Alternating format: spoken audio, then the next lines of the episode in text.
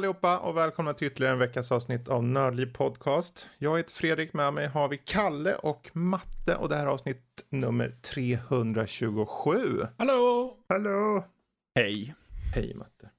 Um, ja, det här avsnittet idag, det ser ut att vara ganska späckat ändå. Vi har allt från Call of Duty Vanguard till Conway, Disappearance at Dahlia View.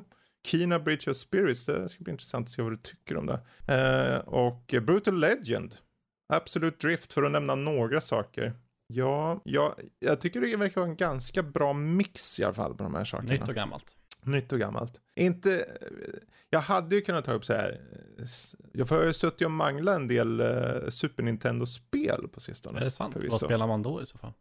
Jag körde Contra 3 och jag har kört, jag glömmer bort, jag har ju den här SNES Minin här. Mm. Okej, okay, då förstår jag. Uh, så jag har ju... grävt upp en gammal SNES. Nej, nej, nej, herregud. Mm. Uh, eller, för, eller köpt den för all del. Nej, utan det är mest jag suttit med den här och, och känt på lite spel av Eh, gammal natur. För jag hade en kompis som kom över och av ren slump så såg han ju att jag hade SNES-minnen så vi satte oss ner och körde ett par two-player-spel sådär. Vi körde Street Fighter, vi körde, um, han körde lite Zelda också och sen så kände jag lite ännu mer på Super Metroid och lite annat sådär smått och gott som finns på den där. Men uh, ja, det får bli en annan, en annan gång. Vi hoppar istället direkt till nyheterna tycker mm, jag. Och vi. Uh, vi tar upp, jag vet inte så mycket nyhet som mer som en proklamering av att Bungie fyller 30 år. Um, de har ju hållit på länge nu och sen de slutade med Halo och gick över till Destiny har det ju ändå gått relativt bra. Ja. kanske, jag vet inte vad det... Communityn älskar och hatar känns det som. De får mycket, mycket skit för spelet, men det är de som är inbitna Destiny-spelarna. Mm. Men uh, det är poppis ändå. Ja, något ja herregud de har väl redan en ny expansion på gång mm. igen. Ja.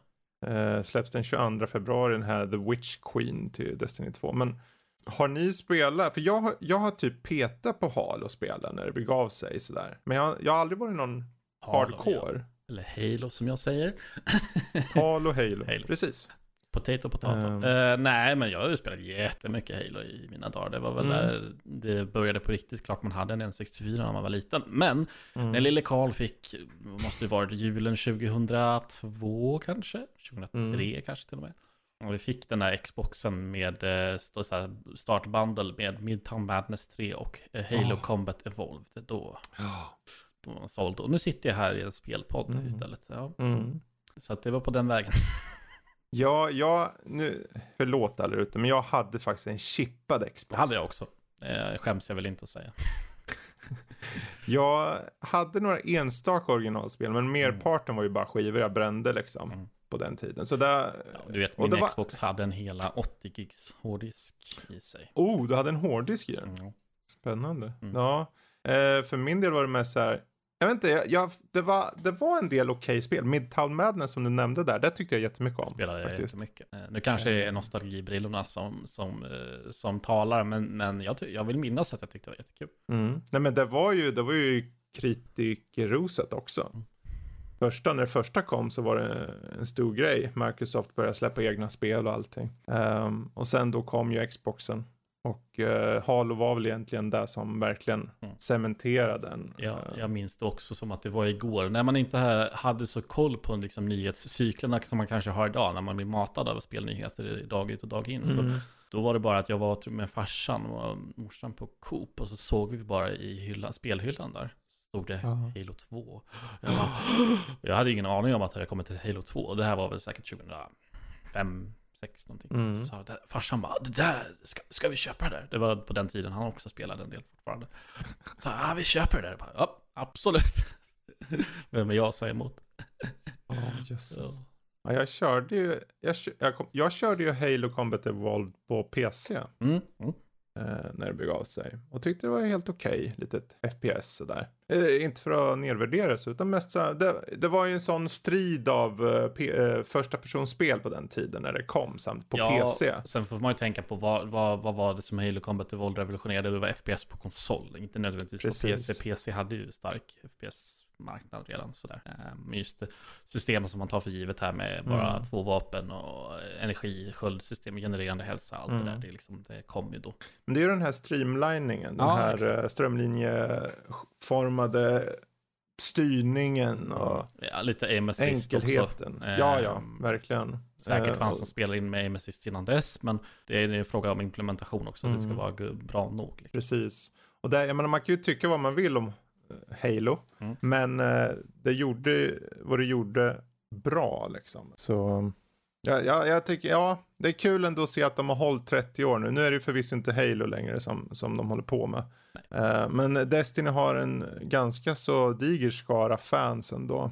Eh, jag vet ju Alexis, hon, spel, eh, hon spelar ju till exempel där. Så. Mm. Mm. Så det, ja, ja, det är inte mycket mer att säga mer än att det är kul att det har hållit och vi får väl hoppas att det fortsätter deras skull. Ja. Precis.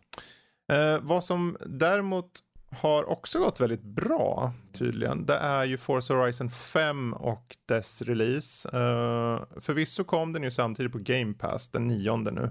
Uh, och om man eh, betalade ett par hundra så fick du tillgång till den fem dagar tidigare. Vilket en miljon människor tydligen har gjort. Mm. Enligt uh, information från Lite uh, interwebs. överraskande siffror här. Nu kan jag bara att det här är ju ytterst subjektiv åsikt. Men jag tänkte så här, mm. bilspel, de kommer ju och går lite hela tiden känns det som. Mm. Det pumpas ut lite, särskilt Forza, det kommer ett spel lite hela tiden känns det som. Typ ett om året mm. eller vartannat år. Men eh, kul att det just att det bara en sån stor hit just den här gången. Ja, verkligen. Jag, jag, är också, jag visste ju att det här skulle säkert vara bra, men jag visste inte hur många som skulle ta del av det. Nej, när jag faktiskt. såg den här nyheten så så att jag tänkte så här, jag höll på att packa upp den, nu, nu så ni som lyssnar ser inte det, men jag byggde ihop den här hyllan som står bakom mig häromdagen. Mm. Eh, och då har jag min flygspak som står där bak, och så såg jag den här nyheten med, med Forza Horizon, och så tänkte jag, fan, man kanske skulle köpa en ratt och pedal. Ja, kanske. Det, det, det, det, saknas, det finns ett tomrum där. Det, det kan stå där. Det kan stå ja, där. plats. Det, ska det är som menat. Ja. Alltså, då, måste, då skulle jag vilja ha en växelspak också. Ja, ja verkligen. Jag har sett Nej, G29 ja, eller? Ja, mm. precis. Mm. Men jag, tänk, jag tittade på priset bara. Fast å andra sidan kanske det går ganska lätt att hitta begagnat för en bra peng. Det är nog möjligt. Mm. Ja, um, kan kika. oavsett, 4,5 miljoner spelare på alla plattformar samtidigt och då är det ju alltså då över cloud och konsol och PC. Um, ehm, mm. Så de, de, har ju uppenbarligen, det har ju gått bra för den och den har ju fått väldigt bra uh, respons, både kritikermässigt och uh, publikmässigt då.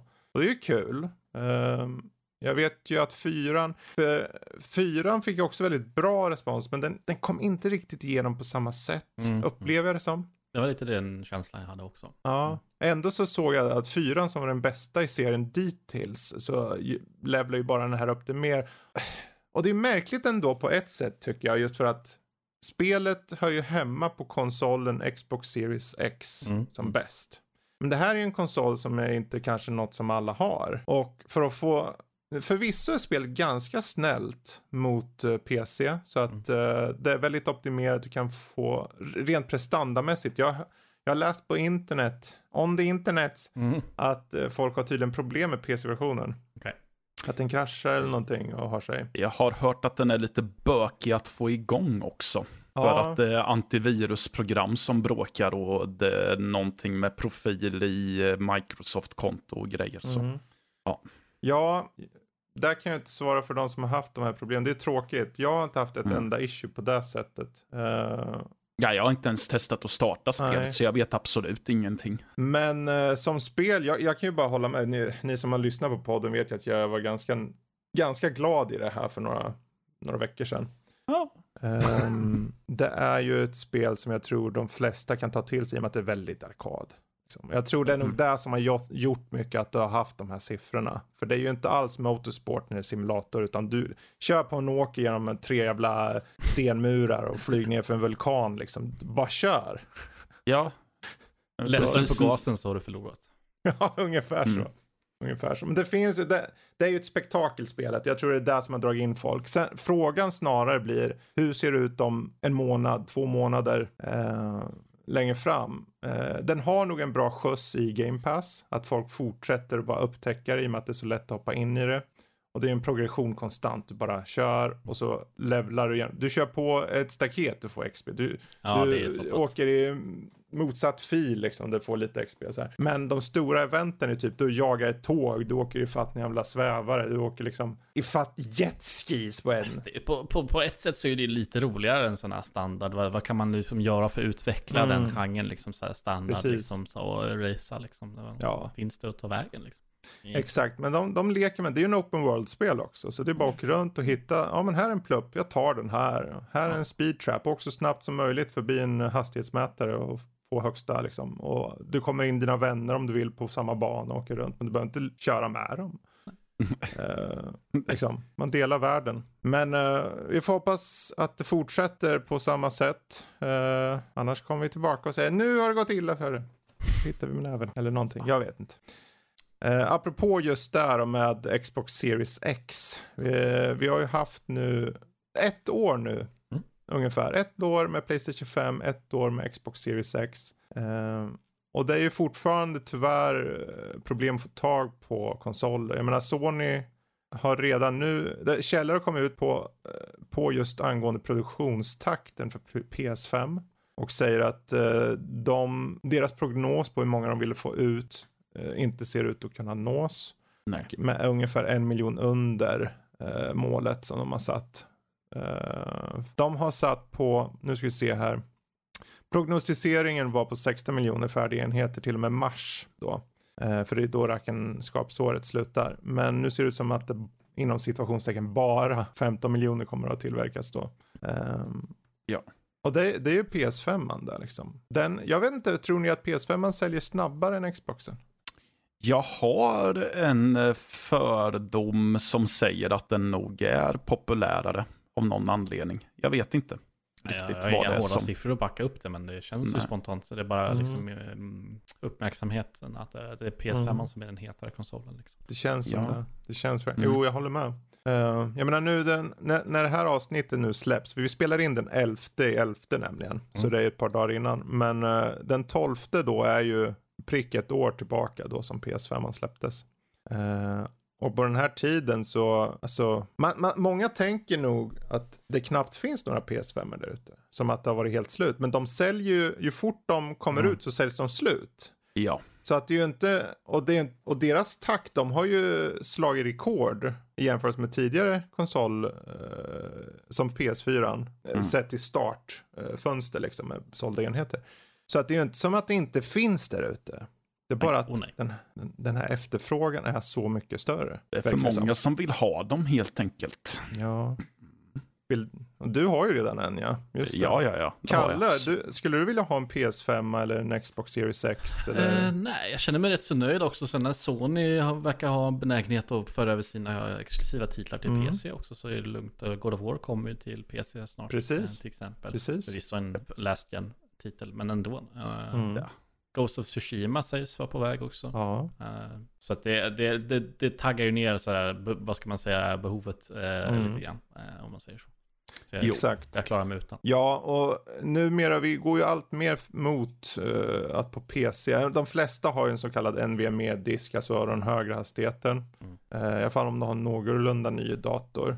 Och om du utnyttjar det där, nu för vissa av de här, det, det, är, ju, det är ju en USP, jag hatar att säga det, men en USP på konsolsidan då, att när, när jag kör till exempel Forza eller vilket annat spel som helst på PS5, som är gjort, alltså ett eh, första parts, så är det verkligen, det är ju inga laddningstider ibland. Det är ju skitskönt, måste ju vara om man spelar mycket konsol. Det, Precis. det var ju den stora nackdelen förr i tiden att spela på konsol. Ja, verkligen. Men nu är det liksom så här, det går bara tjopp in i spelet. Ratchet Clank, den bara tar Ja. en halv sekund. Jag vet inte ens om det tar den. Om, om ens det. Alltså ett rasande tempo. Ja, men jag, PC har inte nått dit helt, för du måste ju anpassa Nej. spelen eh, för att kunna ta. Men vi är på väg dit dock, känner jag. Det handlar ju bara om att eh, vi får ut lite nyare moderkort som har stöd för den här PCI 4.0 eh, För att få den här 7000 megabit sekunden läsning, läsning och 5000 skrivning eller vad fan det är, eller om det är tvärtom. Um, men vi är på väg dit. Och nu när de liksom har de här PC-spelen på väg ut så det är bara en... Jag, jag, jag, hade inte jag hållit på med recensioner och grejer då hade jag nog bara nöjt mig med PC och Switch kanske. Eller något sånt. Mm. Men det här för oss ju vidare då till ytterligare en release. Eh, som dock har skjutits upp lite och det är ju Steam Deck. Alltså den här handhållna eh, Nintendo Switch-utmanaren kanske man vill kalla ja, det. Ja, absolut. Mm. Ja. Nytt försök på Steam för, för egen hårdvara, det är lite mm. intressant. Det gick ju sådär sist med Steam Machines. Precis. det, inte det, var inte deras hårdvara per se, det var ju liksom deras, vad ska man säga, stamp of approval på Ja, på exakt. Och nu, nu ser de ut som att de i alla fall styr upp det själva så att säga. Mm. Uh, men det har i alla fall skjutits upp, försenats med två månader. Mm. Det är inte, ah, det är inte hela världen. Nej. De första Eh, de första enheten skulle ha släppts nu i december men istället blir det att de börjar leverera, levereras i februari 2022. Mm. Eh, och med tanke på hur jävla sjukt nästa år ser ut att bli i spelväg så tror jag det inte gör så mycket faktiskt. Mm. Um... Intresset för en Steam Deck, det, det, är ju lite av en nischad enhet. Mm. Får man säga. Till och med mer nischad än en Nintendo Switch. Liksom. Det, det finns ju en viss mass market appeal i en Switch till exempel. Sådär. Men jag, en Steam Deck, det Fast det beror lite på hur du ser det. Det mm. beror Men på nass... vilka bibliotek du har. För jag mm. menar, för min del som vet att jag har så många spel och jag bara, åh, jag, jag kan lägga mig ner i sängen och så kan jag köra Defense Grid igen för 40 gånger. Det är klart. Okej, okay, så det är men... det som är tanken att det är ett, en handhållen konsol jag kan spela mitt Steam-bibliotek ja, i då, ja, eller? Okay. Precis. Det är mm. en bärbar dator. Bärbar dator. Ja. Som är deras Steam okay. OS på. Exakt. Ja, så alltså, då är ju något att ta med mig till mina föräldrar när jag inte har i så fall. Mm. Jag säger det inte att det, det finns något användningsområde, men just det, vart liksom i PC-marknaden får de mm. plats för någonstans. Så det, är så här, det är ju ändå liksom lite av en entusiastenhet, så vad ska man övertyga? Ja, precis. Här skulle jag säga det här är perfekt om du lyckas få in konsolspelarna tror jag. Mm. För hela syftet med Steam OS här är ju simplifierat. Du ska få en enkelhet i att starta, installera och bara spela. Hoppas att det verkligen funkar då i så fall. Ja, det, får inte vara, det, är det, som är, inte, det får det inte vara minsta lilla farligt på vägen. Precis. Nej. Det där det hänger på. Och för min del, ni får skjuta upp så som ni ja, vill ja, ja, faktiskt känner jag. Uh, för om det, om vi leker leker med tanken på att det faktiskt är så enkelt som det, de vill att det ska verka. Och det är så snabbt, för det är så här, du har tre olika enheter. En är så här kortläsare, den billigaste, och sen är det två stycken NVMe-versioner då. Eh, eh sådana här SSD då. Och de, den hastigheten och att de enligt dem själva, de kör 720 på de här upplösningsmässigt, som jag fattar det som. Eh, och de har någon slags, det finns ett dokument man kan kolla på alla spel som ska de här vet vi funkar, de här kan möjligtvis funka, de här kommer inte funka än så länge. Mm. Eh, och det ser ut att vara en jäkla massa spel. Jag menar, jag såg någon satt och körde Guardians of the Galaxy. Mm, jag nya. såg någon spela Witcher 3. Det är ja, ju krävande spel. Precis. Så om det bara är så att den här enkelheten finns där, vilket den måste, för, en, för jag tror den billigaste kostar 419 euro, mittenversionen 549 och sen är det 679. Uh, det, vi, vi börjar ju närma oss typ, jag menar, uh, Switch när den var som ny kostade ju runt 4 och 5 ändå. Så den ligger ju i närheten där, åtminstone. Alltså, man tänker på eh, kostnader efter också. Visst, en switch i sig är ju inte dyr, men eh, kostnaderna för en switch springer iväg när man ska köpa spelen. Spelen är ju oh, ja. dyra på switch. Ja. I alla fall första part. Exakt. Mm. Och där har vi, jag menar till och med tredje parts kan vara dyrt på Switch ibland. Om du inte köper något så här mobilspel som har portats till mm. Switch mm. eller någonting. Mm. Men eh, överlag, jag menar du kan ju du, alla de här reorna på Steam, du vet. Man sitter där, ja men jag köper det här för en 20, jag köper ja. det här för en hundring, whatever. Det vara någorlunda med tillbehör också med till mm. en Switch och sånt där. Steam-däcken är ju liksom en färdig, mm. komplett enhet om man säger så, men ens en Switch vill, vill man kunna använda den till fullo så vill man gärna köpa lite extra kontroller, lite, lite allt möjligt. Liksom. Men jag tror allting hänger på i alla fall huruvida den här är enkel för folk. För jag tror om de lyckas få att gränssnittet och upplevelsen är enkel mm. så har vi alltså en PC mer eller mindre som gemene man, alltså en casuals inom situationstecken. Eh, vanligt folk ja. bara startar upp och kör liksom. Och vad, ja. vad, vad, jag tänker då, det innebär att då har vi människor som kanske inte är vana vid Steam. Och tänker, jaha, det är en stor portal, man köper spel och det läggs in och så är det, klart, är det kvar där. Och, jag, och uppenbarligen så betyder det att om jag då har en dator sen och installerar Steam där, då kan jag köra mina spel där också. Så vem vet, det kan ju vara med, till och med som så att folk som köper en sån här Steam Deck, om bara en av tio typ, ja alltså det här var ju jättebra, det här spelet vill jag köra på dator också, då kanske de skaffar dator och Steam där också. Så det, i den bästa av världar så kan det leda till det. En inkörsport till PC-gaming alltså. Ja, möjligtvis. Men allt det hänger på att det går bra. Det kan också gå ett käpprätt åt pipsvängen. Jo. Vi får se när jag testar min där framåt våren. Mm. Eh, peppar peppar. Du har Jag lagt in har- en förhandsbokning. Ja, Mm. gjorde det i juli. Ehm, Mm. Det är coolt att se testa alla kontrollfunktioner och sånt där. Sätt Mm. de har med ja, gyro och allt vad det nu må vara. Med Exakt. touchpads och joysticks och allt vad det nu må vara. Ja, det är ju, alltså det är ju, det är ju en chansning. Det är ju att köpa grisen i säcken. För det, jag tog ju mellannivån, den här Mm. för 549 eh, euro. Och, eh, för jag vet, ju, jag vet ju att jag har väldigt brett Steam-register liksom. Så jag kan testa feta titlar, jag kan testa enkla titlar. Hur bra är den? Hur, hur väl håller den? Hur lätt är det här gränssnittet? Eh, men mer om det till våren tänker jag. Oavsett, två månaders försening. Det var mycket snack om någonting som egentligen var en nyhet som bara var, det är försenat två månader. Eh, Vad som också blir väldigt försenat för många, det är ju den här tillgången till grafikkort, särskilt nu när en hel jävla lastbil av um, 30-kort i Nvidias 30-serie har eh, kapats. Det har stulits. Eh, så någon sitter på en väldigt stor mängd grafikkort här. Eh, det här hände då, det var en lastbil som var på väg till San Francisco från en, ett distributionscenter i södra Kalifornien som blev kapat då. Och det, det, jag ser inte något om hur många kort det var. Men eh, om det, är liksom varierat eh, av grafikkort med eh, priser allt från 329, 330 dollar upp till nästan 2000 dollar. Mhm. Och Får det är bara MSRP. Då. 3060 upp, ända hela vägen upp till 3090 Ja, förmodligen. ja du. En hel jäkla lastbil. Jag tänkte det också, jag såg den nyheten. Det är, så, det är så roligt för att när, när 30-serien kom så var det ju en fake-nyhet som florerade om att det var en, eh, en, en, en, en så här um, container som, eh, som blev stulen. Mm. Eller nej, det var inte att den blev stulen, men däremot så var det att man hade, enligt den här fake-nyheten, så man hade hittat en container med 30-seriekort som bara stod och inte gjorde någonting. Eh, Men det visade sig vara en fake-nyhet. Ja, okej. Ja. ja, och nu är det i alla fall, nu är det i alla fall hänt. Men det, jag tänker mycket så här, undrar hur lätt det är att kränga dem. Finns det någon så här spårningsgrej på sådana där? Ja, förmodligen så kommer ju, vad heter det, om det var nu EVGA, om det var deras kort, så är det på deras forum i alla fall. Så jag antar Mm. att det var deras kort. De kommer ju säkert gå till eh, polisen och säga det här är de typ serienumren och sådär så på korten och sådär. Mm. Så det, det, det är inte så här svårt att sälja. Eh, jag tror att mm, efterfrågan är väl så stor att man köper väl utan skrupler så. Där. Och, det, och sen också, som det är med, med häleri och sådana saker, så, så kommer de väl förmodligen bara liksom skingra det ut till liksom, så att det inte ens, Mm. kalifornisk lag har, de, det kommer väl inte ens säljas i Kalifornien säkert. Nej, det kommer det. bara spridas med vinden och sen hamna på alla möjliga ställen där det är så här omöjligt för dem att, ja, ja okej, det såldes ett stulet kort i Kanada, skicka Kalifornien, skicka polisen. Ja, Mm. Det är svårt. Precis.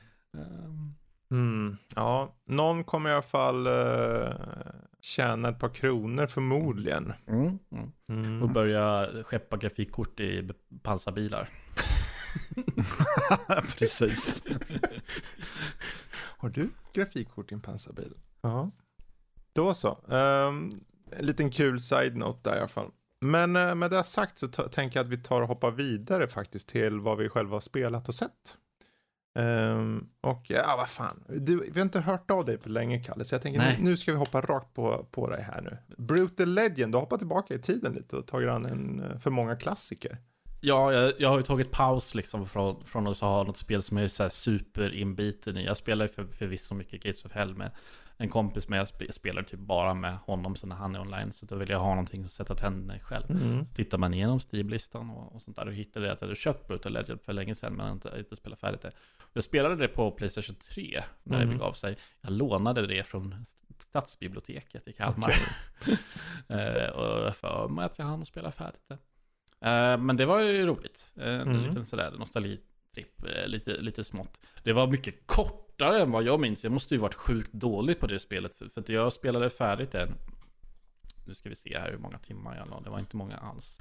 Eh, tio timmar på mm. pricken. Mm. Och så var jag färdig med det. Och då tror jag hade 30 minuter från sist jag sopade igång det. Så jag, jag, jag, hade fått för mig att det var mycket längre än så. Å andra sidan så tog jag inget side content. Det finns ju mycket side missions och collectibles. Ja, ah, just det. Jag mm. brydde mig inte så mycket om det. Man blåste igenom mm. eh, main storyn. Det är ett sånt udda spel, för jag vill ju liksom älska hela estetiken. Det är metal, det är, mm. Jack Black är mer rolig och så har vi lite andra eh, metal-legender som är mer, ger sina röster med oss i Osbourne och eh, Lemmy från Motorhead och så vidare.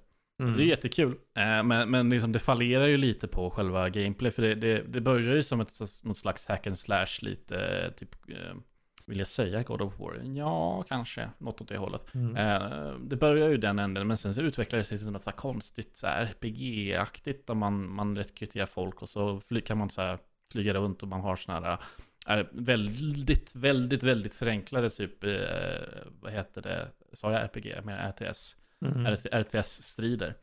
Där man så här ska, det, det, det väller upp fans från marken, ska man, få, ska man liksom fånga upp dem och så får man fans. Och då är det deras valuta för att köpa in enheter, så ska man gå och kvadda motståndarens mm. liksom bas. Liksom. Och det är väldigt förenklat, det spelas ju med det är ju tänkt att spelas med kontroll och det var det jag gjorde också.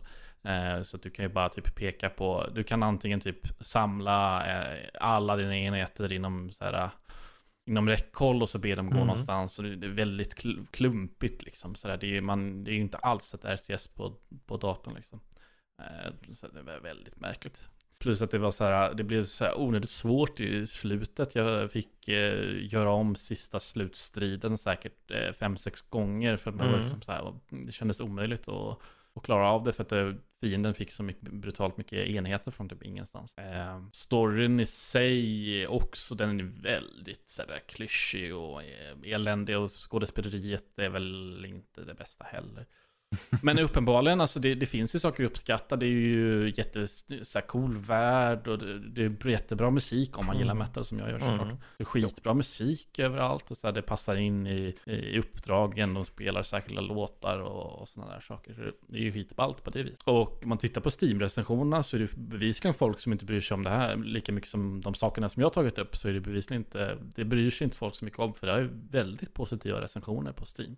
Så att det har blivit, blivit lite av en kultklassiker om man säger så. Ja men det har ju det. Jag kommer ju ihåg när den kom och det var mycket snack om den. Jag har ju själv påbörjat det, men det var, det var ett sånt där spel bara, ja alltså jag ser att det försöker göra något, men det var, jag fann det bara inte så här, det måste ju vara roligt att spela, jag fann det aldrig roligt att spela spelet. Det var intressant med, med karaktärerna och det var intressant med liksom miljön och liksom platserna man kom till och allt det här. Men det var, jag vet inte, för mig så fastnade jag aldrig riktigt. Men... Sen är det väl en vattendelare ja. också om man tycker om Jack Black eller inte, antar ja. jag. Eh, så jag tycker han är... Jag tycker han, han kan vara skön. Ja, han passar i det här spelet. Jag ja, verkligen. Det märks att det är han som har varit drivande mm. i hela projektet också, liksom fått det att hända. Så oh, det är väl någonstans liksom bara ett kärleksbrev till, till genren, till musikgenren mm. egentligen. Eh, och, och det måste man ju ändå applådera, så hellre att Verkligen. jag spelar det här, där det, det, liksom inte var, det kanske inte var en homerun, men de testade något helt, mm. helt nytt, som ingen bad om, som bara var liksom rent passion project egentligen. Eh, hellre det än att man spelar nyaste Call of Duty. Precis. Ja, det märker vi sen. Vi ja. kommer till det. Nej men absolut, och det är ju någonting som Double Fine ändå gör ganska bra i det här våga göra saker. För det, jag har ju testat lite på deras, den här senaste um, Psychonauts 2. Just det. Uh, och den är ju verkligen unik på, på det visuella planet och storymässigt håller den väldigt bra. För det är ju mycket fokus på story så. Och någonstans ja. måste ju allting, allting har väl börjat där någonstans runt eh, första Psychonauts såklart, men sen då Brutal Legend, för det är typ andra spelet de gjorde om inte jag missminner mig helt. Um, uh, det är det nog ja, under det namnet skulle jag gissa mm. på. Mm. Så där, jag tycker det är kul ändå att du tog upp det. För det är ju, mm. ibland så är det sådana här spel ligger och folk nämner dem, men man går aldrig in på djup riktigt. Sen är det frågan hur djupt vi gick in Sen på så är det ju så här, det går, som jag sa, tio timmar att blåsa igenom, ja. inte, eller om ens det, säg nio kanske. Eh, och du behöver inte göra alla sidouppdrag om man inte vill. Det finns ingen anledning, alltså, man behöver inte levla upp sig själv mm. eller någonting sånt där. Det är bara att blåsa igenom storyn om man mm. vill, så här, rakt av. Och sen finns det lite coola uppdrag med lite häftig action, coola set pieces, mm. bra musik Mm. Alltså så eh, man behöver kanske varit lite hård på det nu när jag tänker efter. Man behöver inte, kanske inte vara alltför kritisk för vad det är. Liksom. Så, Nej. nej. nej. Så, men där har vi Brutal Legend. Ta, ta och kolla upp det vet jag. Det, jag menar, det borde väl finnas. Finns det på Steam eller? Mm, 15 euro. Ja, men då så. Det är bara att köra där. Om ni inte har någon gammal PS3 eller Xbox 360 eller något. Som jag antar det finns. Eller en nyare Xbox, det kanske har stöd för det. Um, då så. Men det är ju ett äventyrsspel. Vi kan hoppa till ett annat äventyrsspel. Uh, jag tror det är ett äventyrsspel i alla fall. Conway, Disappearance at Dahlia View. Ja. Vad Precis, vad eller Dahlia View som de säger i spelet. Dahlia View, Eh, okej. Okay. Ja, jo men det är mycket riktigt ett äh, äventyrsspel. Du spe man spelar som en gammal gubbe och tillika krigsveteran och tillika före detta privatdetektiv Mhm. som heter äh, Robert Conway. Han är dessutom rullstolsbunden. Okej. Eh, det sker en eh, våldsam kidnappning utanför hans ehm, fönster. Mm. Eh, Han har liksom överblick över hela sitt lilla grannskap där. Och eh, han eh, bestämmer sig för att han... Ja, han börjar luska i vad, vem har tagit den här lilla flickan, varför har man tagit den här lilla flickan och eh, ja.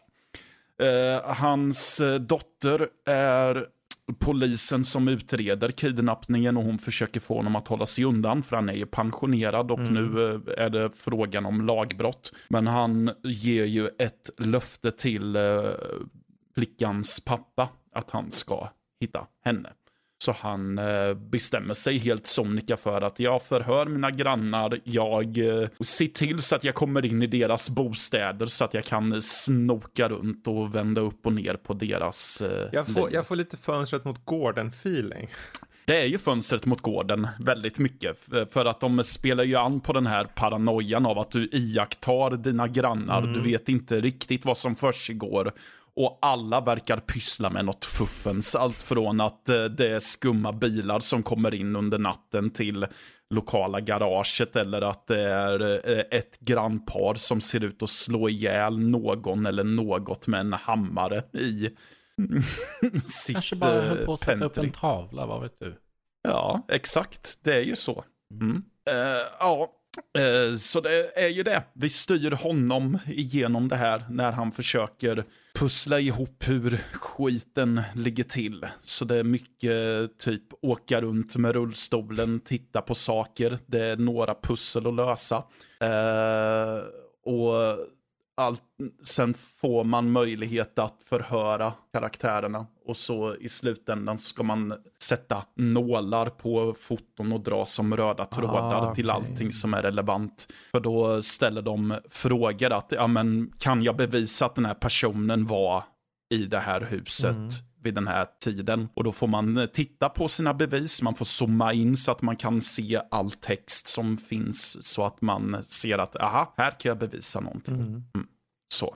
Men hur spelar man det liksom när det är tredje person då? Eller liksom? Det är i tredje person. Aha, okej. Det är allas eh, favoritstyrning kallad tank controls. Ah, okej. Eh, Ganska vi- passande om man sitter i rullstol också. Jag skulle ju säga det att det är nog första gången jag kan eh, se att de är rättfärdigade just eftersom att han sitter i rullstolen för då sker det ändå ganska naturligt. Men när du säger tank control, då tänker jag fasta vinklar.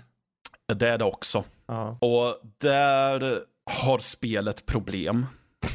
Eh, Ganska ordentligt för... Jag, Skulle du jag säga att det handikappar spelet? Ja, det gör det. Nej, men det, det är jättemärkligt för vissa kameravinkel. Jag tror att spelet byter till fel kameravinkel ibland. Och, oh, det kan ju inte... Eh, nej, så att jag ser att, ja men hallå, jag är inte ens i det här rummet. Hur fan ska jag kunna veta vart jag befinner mig?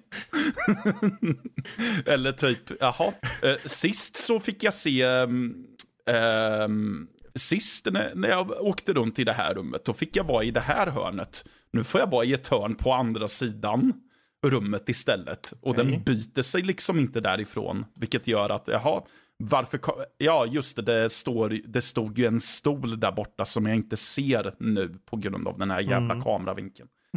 Så, Och, eh, jättemärkliga saker. Det var, jag åkte ut på en balkong som jag hade varit ute på förut. Men helt plötsligt så hade alla, i stort sett alla texturer försvunnit mm. ur spelet. Så att det var som att jag åkte i luften. Ungefär. Liten rullstolsbunden ja. Jesus där. Ja, och det var vid ett tillfälle skulle jag behöva ta mig in genom en dörr som hade ett hänglås med en, med, som jag behövde en kod, en nummerskombination mm. för att ta mig igenom. Men det visade sig att åkte jag bara lite fram så bytte knappprompten plats. Och då var det bara att gå in genom dörren i alla fall. Okej. Okay. Ja. Okej, okay, okay, men förutom tank controller och att den byter ja. vinklar lite som den vill och att det kanske glitchar ut. Hur är mm. resten? Mm.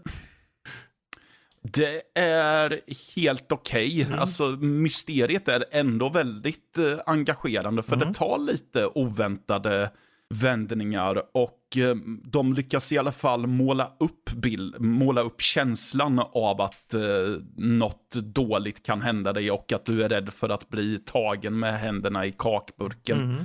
Av uh, personerna som bor i huset som du uh, luskar igenom. Har, har det den där mm. nerven som, som gården hade?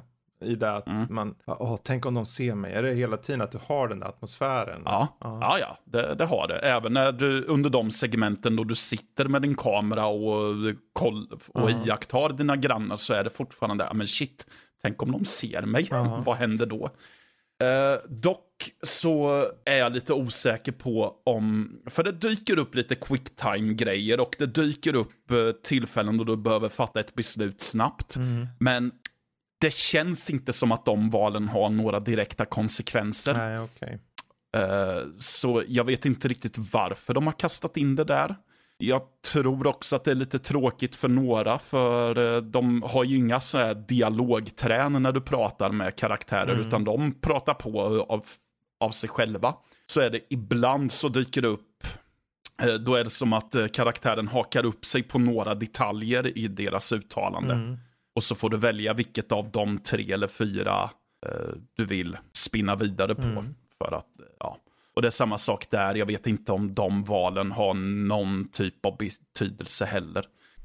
Egentligen, utan det känns som att det är inslängt där för att inte tittaren ska bli alltör stillasittande. Mm. Men eh, ja, det, det är helt okej, okay, tycker jag. Det, det, finns, det finns goda idéer i det, men det hade behövt så slipas till en hel del. Mm.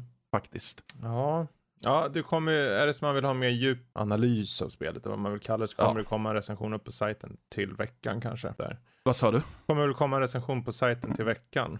Ja, det kommer det göra. Eh, så bara kolla nördliv.se skulle det vara så. Men det, alltså, någonstans, ett sånt här spel lever ju mycket på sin berättelse. Eh, ja. Det har, jag antar att det inte är något så här högtempo-spel eller något, utan det är mer så här. Nej, nej, alltså det här är ju slow burner deluxe. Ja. Är det ju. jag tänker det kanske, det kan, då, i det sammanhanget när det inte har den här he hektiska känslan, då kanske det är helt mm. okej okay med just de fasta vinklarna. Det kanske är helt okej. Okay. För jag menar, han sitter, ja. på ett sätt kanske rimmar väl med karaktären i och med att du själv är, ja. spelar en handikappad person, att du måste, att du känner dig lite inboxad, du kanske inte har alla möjligheter som alla andra har. Sådär. Jo, jo, absolut. Uh, och jag hade egentligen inga problem med det. Uh, enda gången jag hade problem med de fasta mm. vinklarna, det var ju när de bytte till vinklar som jag egentligen inte ens borde se, för jag befinner mig inte just där kameran Precis. är. Mm. Så. Men, men annars absolut. Då, och det, det, var samma sak med kontrollerna, hade jag inga problem med heller, mm. av samma anledning. Ja, okay. Att du sitter ju ändå i rullstol då. Ja, så. Mm. ja. ja. Uh, Conway, Disappearance at Daily View. Ja. Uh, har vi där. Kul, men lite annorlunda sådär. Vi kan väl ta det mest uh, mainstream, mainstream-spelet som finns i mainstream-landet. Uh, mm. Call of Duty Vanguard. Ett uh, andra världskrigets spel som är oväntat underhållande. Mm -hmm. jag, jag, jag, fick ju ta mig an det här spelet nu och, och brände rakt igenom den här uh, singelspelskampanjen. Och det är ju som vanligt när det handlar om singelspelskampanjen i, i COD där är ju en ganska kort historia. Den är typ 6-7 timmar lång bara. Men jag vet inte hur, jag har inte spelat tidigare så jag körde ju, jag har ju spelat den här Warzone har jag kört. Men den är ju bara fokuserad på multiplayer. Om inte jag är helt ute och cyklar. Ja, men det stämmer. Eh, och innan där, jag kommer inte ens ihåg, det var ju den andra världskriget, World War 2. Mm. Eh, och den har jag kört lite på. Men nu är nog första gången jag kände att den här berättelsen faktiskt, den, den, den, den jag fastnar för den ganska snabbt. Eh, berättelsemässigt så börjar det med att du har ett gäng, eh, det är en specialtrupp kan man kallas, de kallas det Vanguard då uppenbarligen. Och eh, de är en udda trupp i det att alla är lite olika, de har olika bakgrunder och så. Du har en mörkhyad man i huvudrollen så att säga. Han, han är typ kaptenen i fråga. Eh, och sen har vi en australiensare som är lite mer åt spränga allt som rör på sig och en eh, rysk, eh, rysk kvinna som är krypsny, eh, krypskytt och även lite så här shadow, lite rogue på något sätt. Och så finns det ytterligare en karaktär. och vad de har valt här då, att de ska ta sig in bakom fiendens linjer i just slutsekunderna av andra världskriget. Det är 1945, Hitler precis skjutit sig själv. och det är en underhuggare av din onde Hitler då som tar över under tiden och eh, har då en, eh, en operation som de försöker ta reda på vad den faktiskt innebär, vad, vad den går ut på. Tyvärr för dem så tar han dem, det här är början på spelet, han tar dem allihopa, slänger in i finkan och börjar förhöra dem. Och under de här förhörssessionerna eh, då, de förhörs för övrigt av en eh, nazist som heter Jannik, spelad av Dominic Monaghan från Sagan om ringen. Eh, mm. Eh, och han är inte den bästa interrogatorn. De vet det, så han vill få ut information vad de vet om den här operationen medan de vill få ut information från honom samtidigt för han är inte den, som sagt den smartaste. Uh, och medan de då berättar sina bakgrundsberättelser så får du spela de sessionerna. Så du hoppar från Sankt Petersberg, du hoppar till uh, Stalingrad snarare och, och, och allt från uh, Pacific scenen och du har El, vad heter den? El Alamein till exempel mm. och liknande. Så det finns en bunt olika platser du får besöka på grund av att du får de här flashbacksen då.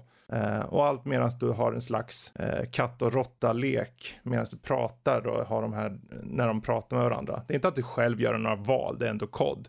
Men det, det för fram storyn på ett bra sätt och framförallt så belyser det karaktärerna jag eh, vart förvånad över hur bra karaktärerna var. Framförallt den här ryska kvinnan som heter Polina, spelad av Laura Bailey.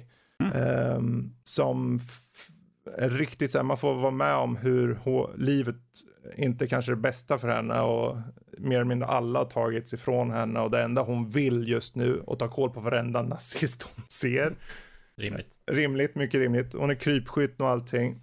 Och vad de gör då, att i och med att de här är olika personligheter som har olika spelsätt också. Så till exempel hon är ju uppenbarligen krypskytt men också lite så här rogue, så hon kan smita, hon är väldigt så här flink och smiter under bord och gömmer sig och väldigt snabb i sin liksom, rörelse. Medan du har en annan karaktär då som är den här Wade till exempel som är en stridspilot och kan ju flyga också till exempel i spelet sen. Där du, han då tar sig fram i, i djungeln och kan nästan urskilja, okej där har vi konturer av folk är. Lite, vet du ungefär som Assassin, när de har det här, man kan trycka på en knapp, man känner av lite vad folk är.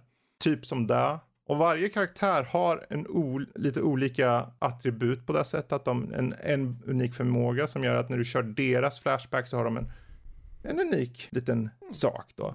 Lite krydda på. Ja, det är lite krydda. Det är ju, jag skulle inte säga att det är något världsomvälvande på något sätt. Det är fortfarande väldigt linjärt utav helskotta. Men just den här fokuset på de i det här fallet fyra karaktärerna gör att i alla fall singelspelet eh, tyckte jag var väldigt underhållande. Och sen är det ju sådär klassiskt kod att det flyger och de har jakter och åker iväg och bla bla bla. Men den här gången så är det ju de här flashbacksen och man får ta del av de här olika platserna som, eh, som är bland det, det bättre sett i eh, singelspelen i alla fall. Ehm, um, däremot, sen har vi ju multiplayer och vi har ju ett läge som är ett Ari, Arena Survival turnering som heter Champion Hill. Uh, det är egentligen snabb action men det är fler på kartan. Och sen så har vi uh, ytterligare några lägen där. Ni vet ju, alltså vet, om man köper kod idag och du kanske vet det här om någon, Kalle. Du köper man det ju i regel för multin då. Så är det ju. Uh, men här står det som står ut för mig här, för jag är inte så mycket för den där multin. Ja, visst, det funkar ju så, men Jag tyckte singeldelen var rolig. Ja, det brukar vara single player en liten mumsbit man blåser ja. igenom på några timmar och sen så är det multin som Precis. håller ens uppmärksamhet. Multin kanske inte var för mig så, men den här zombieläget. Mm. Jag, vet, jag har inte kört så. Jag måste ha missat något. Eller så har de gjort det nytt för den här gången. Den här gången i zombieläget, då har, du får välja någon av de här karaktärerna. Och så får du lite så här eh, presentationsvideo och grejer för varje karaktär och låser upp dem. Och du placeras i en slags hubbvärld. Och i den här hubbvärlden då så kommer ibland zombies och attackerar och allting och i samma hubbvärld kan du uppgradera vapen. Men runt om i, i, på den här hubbplatsen finns det en mängd portaler. Uh, och du tar då och väljer att gå till valfri portal med dina vänner. Om alla accepterar åker ni till den här specifika platsen där ni då ska ha koll på uh, uppenbarligen zombie-nazister. Men framförallt så är det olika spellägen per portal då. Det kan vara att man kanske uh, följer efter någon slags fly, svävande jäkla avhugget huvud som har en slags, eh, ett område runt omkring sig. Du måste bli, håll, hålla dig kvar i området. Eller så är det ren deathmatch. Eller så är det monoliter som finns ståendes här och var. En, och när du dödar då de här zombiesen så lämnar de en slags power-grej kvar. Då springer du, tar en powergrejen, springer tillbaka till monolit och laddar upp den. När du når fem stycken då, för, då försvinner den och så kommer en monolit längre bort på en annan plats. Och du måste fylla upp den. Och när du har gjort tillräckligt många då är du klar med nivån. Och när du har gjort tillräckligt många sådana här portaler, då finns det en sån här X-fill, alltså en uh, extraction-portal. Uh, så då, om mm. alla accepterar att ta den då, då är det slut på spelet. Men det kommer också samtidigt komma nya portaler, så du väljer då, vill du fortsätta köra nya portaler och gå upp ännu mer, tjäna mer uppgraderingar och pengar och allt vad det är. Eller ska du bara avsluta och vara nöjd? Det blir ju svårare för varje gång du går via, eh, via en portal.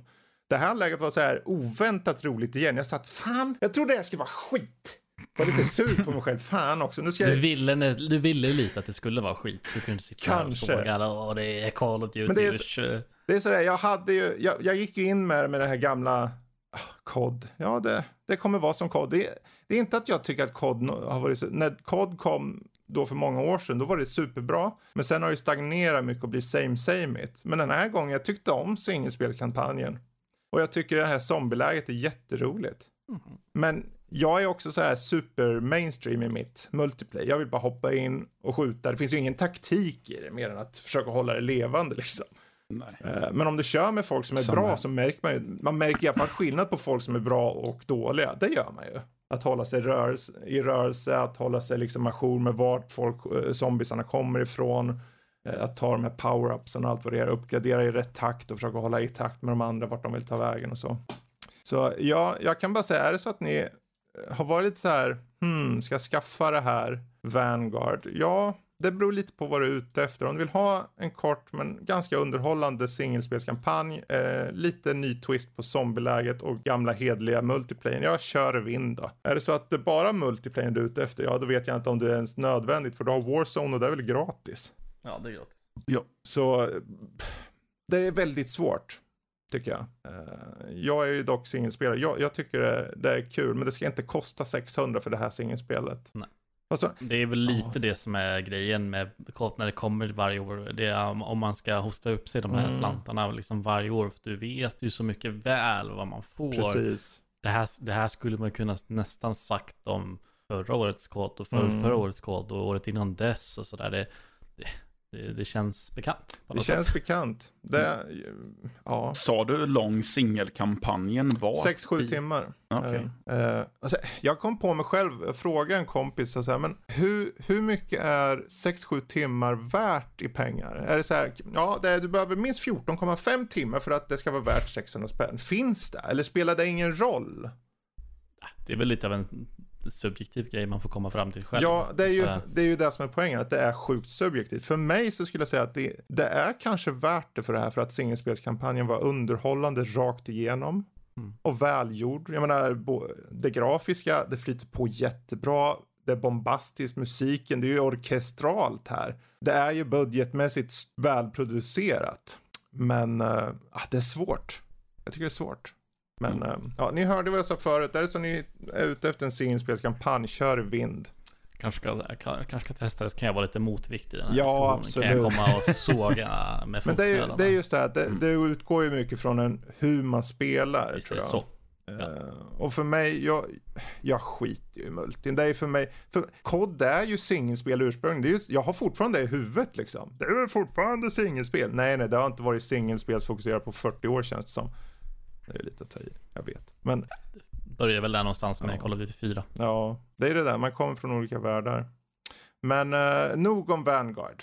Nog om Vanguard. Och så hoppar vi tillbaka till Kalle tycker jag. För jag, om du driftar på i Absolut Drift, hur bra är det att drifta i det tycker du? Nu måste vi gräva lite i minnesbanken, det var ett tag sedan, men jag, jag spelade det här. Men, men eh, jag tänkte på dig mycket Fredrik, när jag Ja. spelade det här. Du gillar ju bilspel och så. Ja, Eh, Det kanske skulle varit någonting för dig. jag har kört det. Men, ja men då så. Du Det var ju gratis på Epic där ett tag. Ah, Ja, då har jag det känt är- på det också dessutom. Det, det hade jag missat, jag köpte det på, på Steam. Det är ett, top-down Mhm. eh, racingspel, eller driftingspel får man väl säga. Så det, det finns ju lite olika sätt att ta sig an och det, det är ju väldigt, vad ska man kalla det, det är low poly-stil. Typ. Eh, ganska eh, färgglatt är, är fel ord att välja, för så mycket färg är det inte, men det är, det är höga färger. Det är väldigt stilistiskt där. Ja, det är Eh, höga färgkontraster. Liksom. Konturerat och så.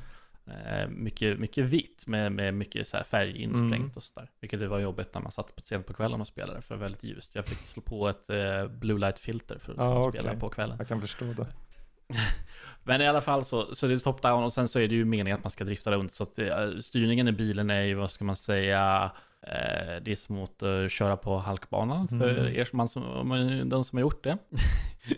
eh, ehm, och sen så finns det så här, det finns en, en, en overworld får man väl säga, eh, där man kör runt och så ska man klara massa olika banor, eh, hitta lite collectibles och sånt där, så får man ta sig vidare till nästa värld och så, så kör man liksom, det finns eh, så här, mm, eh, racingbanor. Jag tror inte att det finns någon som är på tid alls, om jag minns rätt. Eller? Jo, eh, om man ska klara av vissa, vissa, vissa liksom delmål så är det på tid, och ska man klara dem på viss Mm. tid.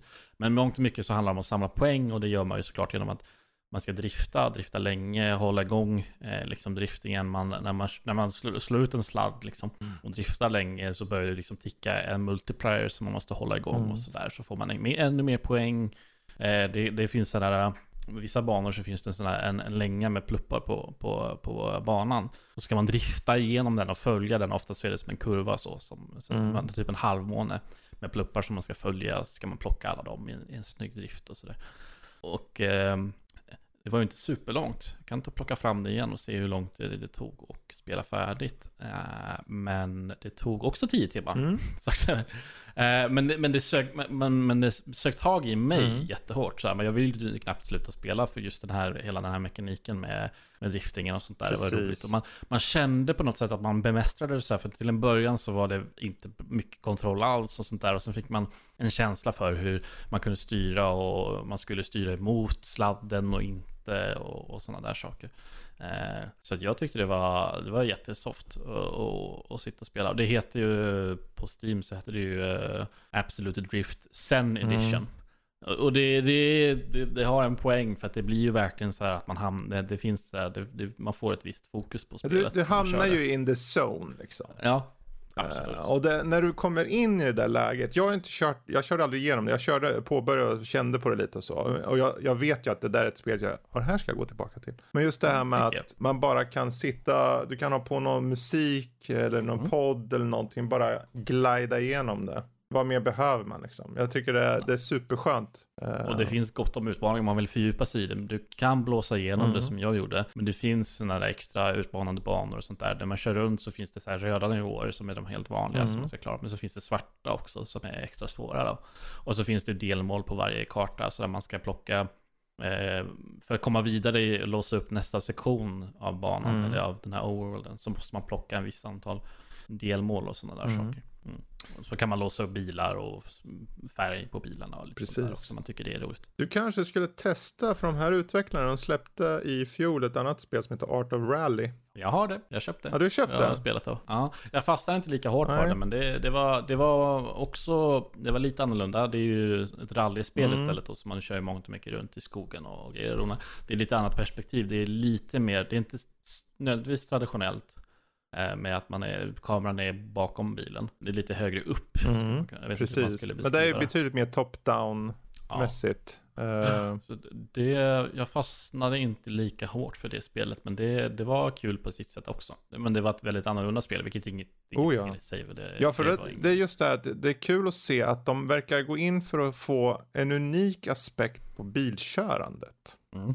Oh ja. eh, där det handlar mycket om atmosfär och där Art, Art of Rally och det här eh, Absolute Drift då båda kommer in just att det, du får en känsla av inte bara som vanligt att du hör folk ah, tut, tut, tut, oh, kom igen i mål du kan få det till exempel i Art of Rally. Men mycket är så här, ta och njut av sceneriet. Leta upp skit ute i någon jävla skog någonstans. Eller vad du nu gör. Och absolut drift är bara att bara existera medan du driftar fram eh, och tar de där plupparna. Det är rolig humor i spelet också när man, när man börjar absolut drift. Vad är det så kommer någon slags buddha-karaktär som säger till en att så här, drifting uppfanns i Japan på typ 80-talet när det var någon som hade druckit för mycket sake. Eller det är inte roligt. Det var likadant i Art of Rally när man startade det spelet så var det så här, rally började på 60-talet när det var någon som var en finne som hade druckit för mycket Koskenkorva. Någonting. någonting sånt skriver de. Det var, det var någonting sånt.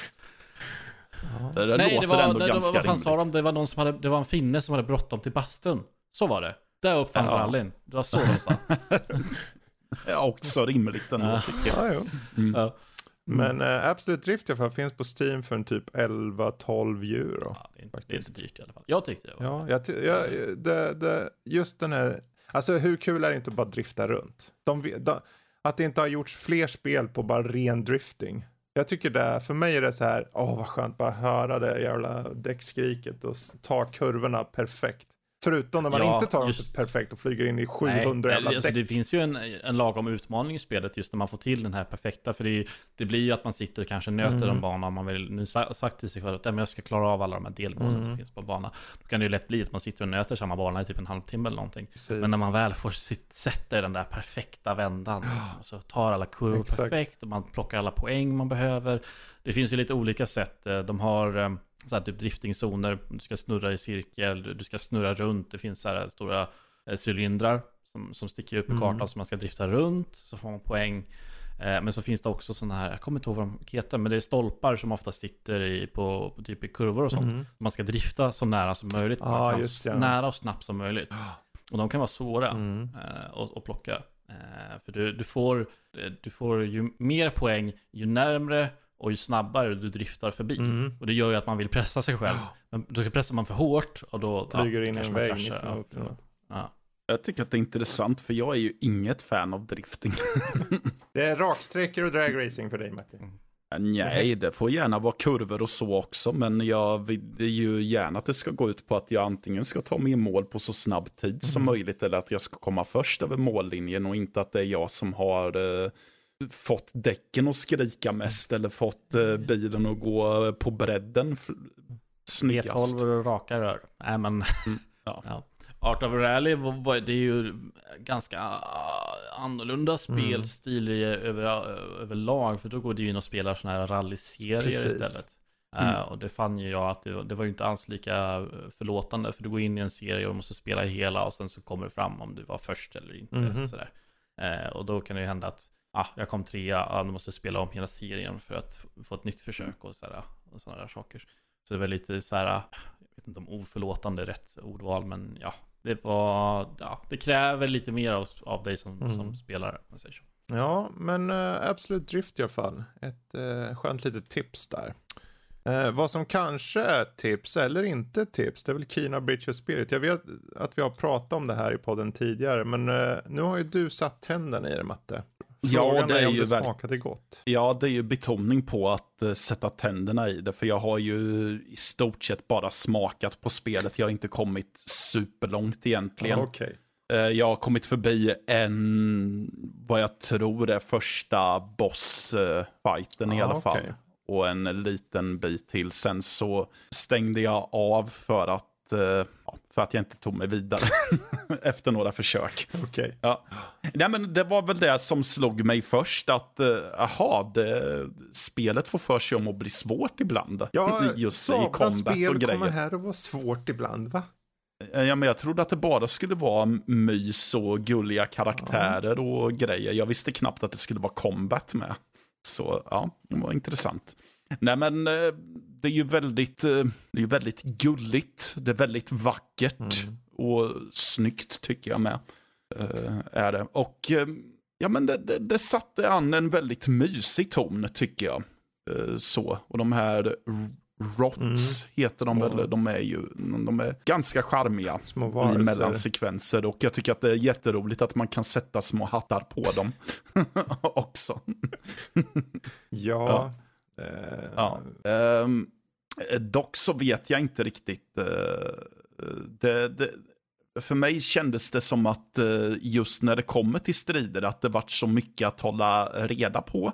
För min del, alltså visst, du har ju det grundläggande att du går fram och mm, försöker slå ihjäl folk eller varelser med din stav mm. förvisso. Och att du kan eh, eh, dodga och att du kan blocka med hjälp av att göra en eh, som en kraftbubbla mm, omkring precis. dig. Och gör du det i sista stund så kan du få eh, göra en counterattack. Mm. Som är sen gammalt och en klassiker i sig. Men du kan ju också använda de här rotsen till att eh, låsa fast fiender. Mm. Eller de, du kan få dem att bli som någon jävla mask som du kan mm, slåss mm. med också. Men nackdelen med just masken är att den verkar effektiv. Men jag, men Kina blir ju handikappad av mm. det också för att det blir att jag måste ha fokus Precis, på två plan ungefär. Liksom. Ja, jag måste styra den med ena spaken och så måste jag försöka styra henne med den andra mm. spaken. Mm. Och hon rör sig absolut inte lika fort. Nej, och då kan det ju komma en stor luns och, eh, som eh, kapar halva eh, HP-mätaren med ett slag typ bara. Så, ja. Precis. Ja, för jag håller med där. För då, jag tycker också att det var lite så här, det var ingen idé nästan ibland, om det inte var bara folk som sköt på avstånd eller något man skulle använda ja. den där eh, varelsen som, som de här rotsen skapar. Det är, den är ju mest till för mm. egentligen när du inte kommer vidare, för den kan ju slå sönder terräng. Ja, precis. Eh, men den är absolut, mm. den är ju också, om de ändå har tänkt att man ska ha den för uh, fightingen så är den ju lite klumpig faktiskt. Är den. Pre precis, för den dyker ju upp i fighting också. Så, mm. jag varit, så, så första gången tänkte jag, jaha, okej, okay. ja, men den kanske är supereffektiv och mm. så var det bara knöligt. Mm. Ja, den kan mm. ju göra en hård attack kan den göra förstås. Ja, det men, kan den göra. Mm. Men storymässigt då? Nu har ju varit ett tag sedan. jag vet inte hur mycket du har koll på berättelsen. Om du har möjlighet att dra en snabb premiss.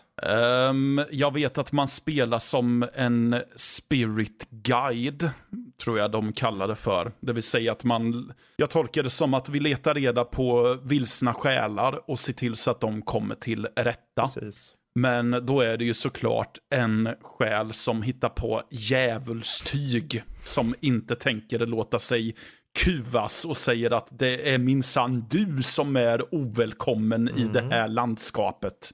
Precis. Mm. Och det är typ det jag vet om. Och så är det två små ungar som eh, ja, springer runt och gör saker också. Mm, precis. Följer med en lite. Ja, mm. det, här, det blir intressant. Vi ska följa upp på den här tror jag sen när du har kört mer för att se vad du tycker om storyn. För den, de där ungarna sen blir lite uh, intressant vad du tycker om. Ja, det uh, är det jag känner på mig kanske. Ja.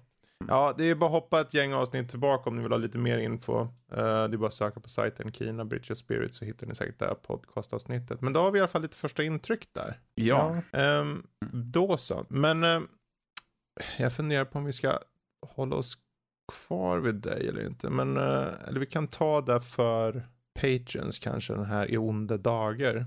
I onda ja. dagar. Ja, jag såg att det finns eh, tre titlar för den. Tre titlar? ja, I onda dagar är ju den norska originaltiteln. Ja. I, på svenska heter den I död och lust. Och okay. den engelska Netflix-titeln är The Trip. Mm. Ja, men då gör, ta, berätta om den då, för nu blir jag ju nyfiken här. Vad, vad är det Jaha. för något? Ja, okej. Okay. Jag kan ju säga att den norska och den svenska titeln eh, representerar ju innehållet i filmen Aha. bättre. Men det är som sagt en norsk film. Den är regisserad av eh, Tommy Virkola som för Dödsnö, ett tiotal... Ja, exakt. Det är väl den han är mest känd för och den har väl fått någon slags klassiker eh, stämpel mm. på senare tid. Har jag upplevt det som i skräckforum och grejer.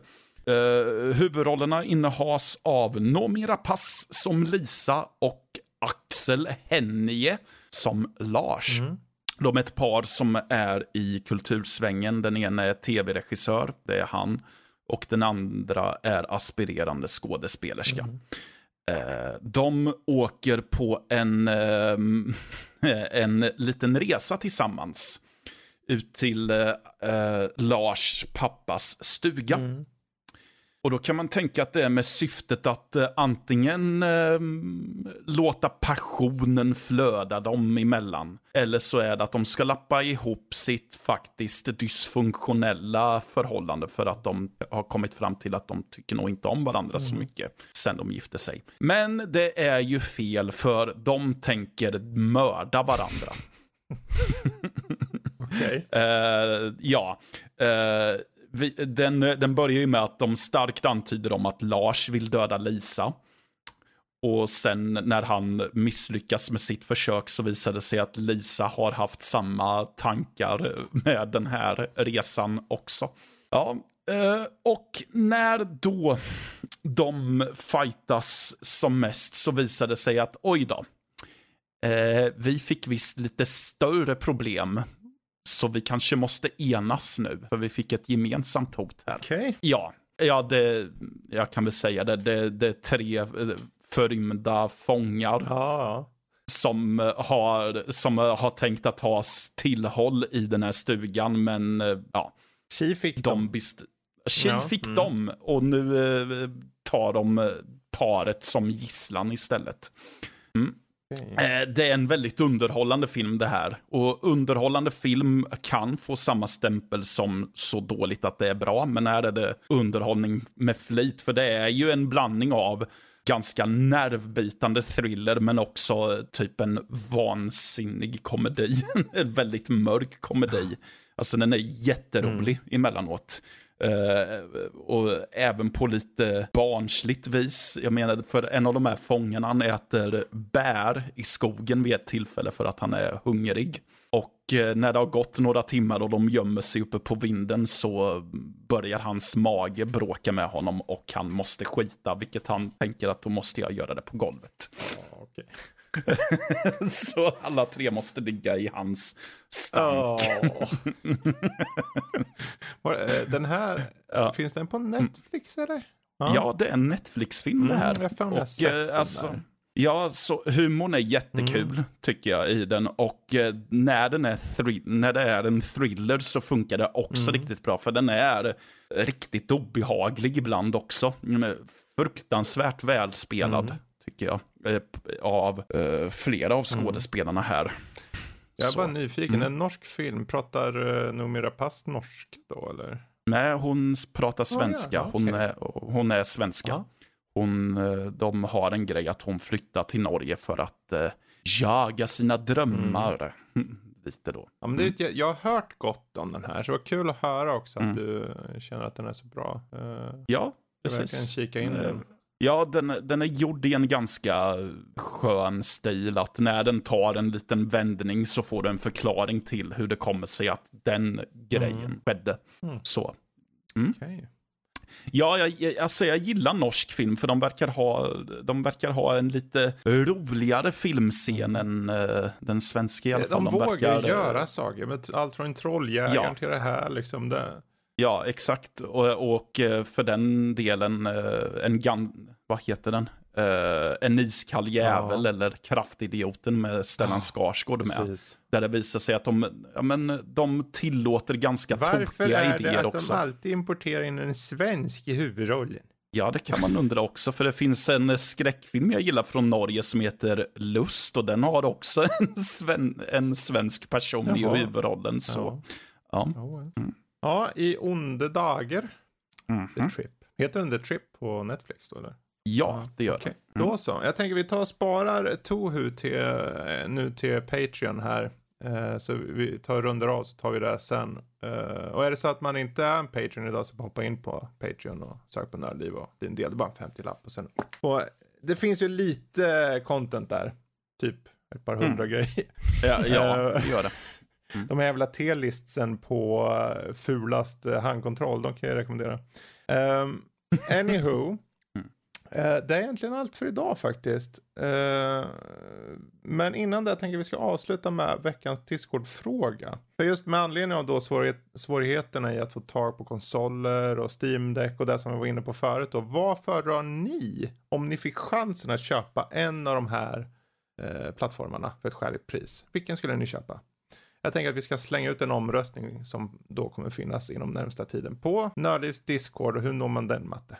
Uh, enklast är att ni går in på uh, nordlivpodcast.se och så finns det en länk där på första sidan. Precis. Mm. Så är det med det. Så, men uh, med det sagt, jag tackar Kalle, jag tackar Matte, jag tackar mig själv. Och sen så är vi tillbaka igen nästa vecka. Helt enkelt. Mm. Så var det ja. det. Puss och kram ja. på er där ute. Hej då. Ha det bäst. Hej då.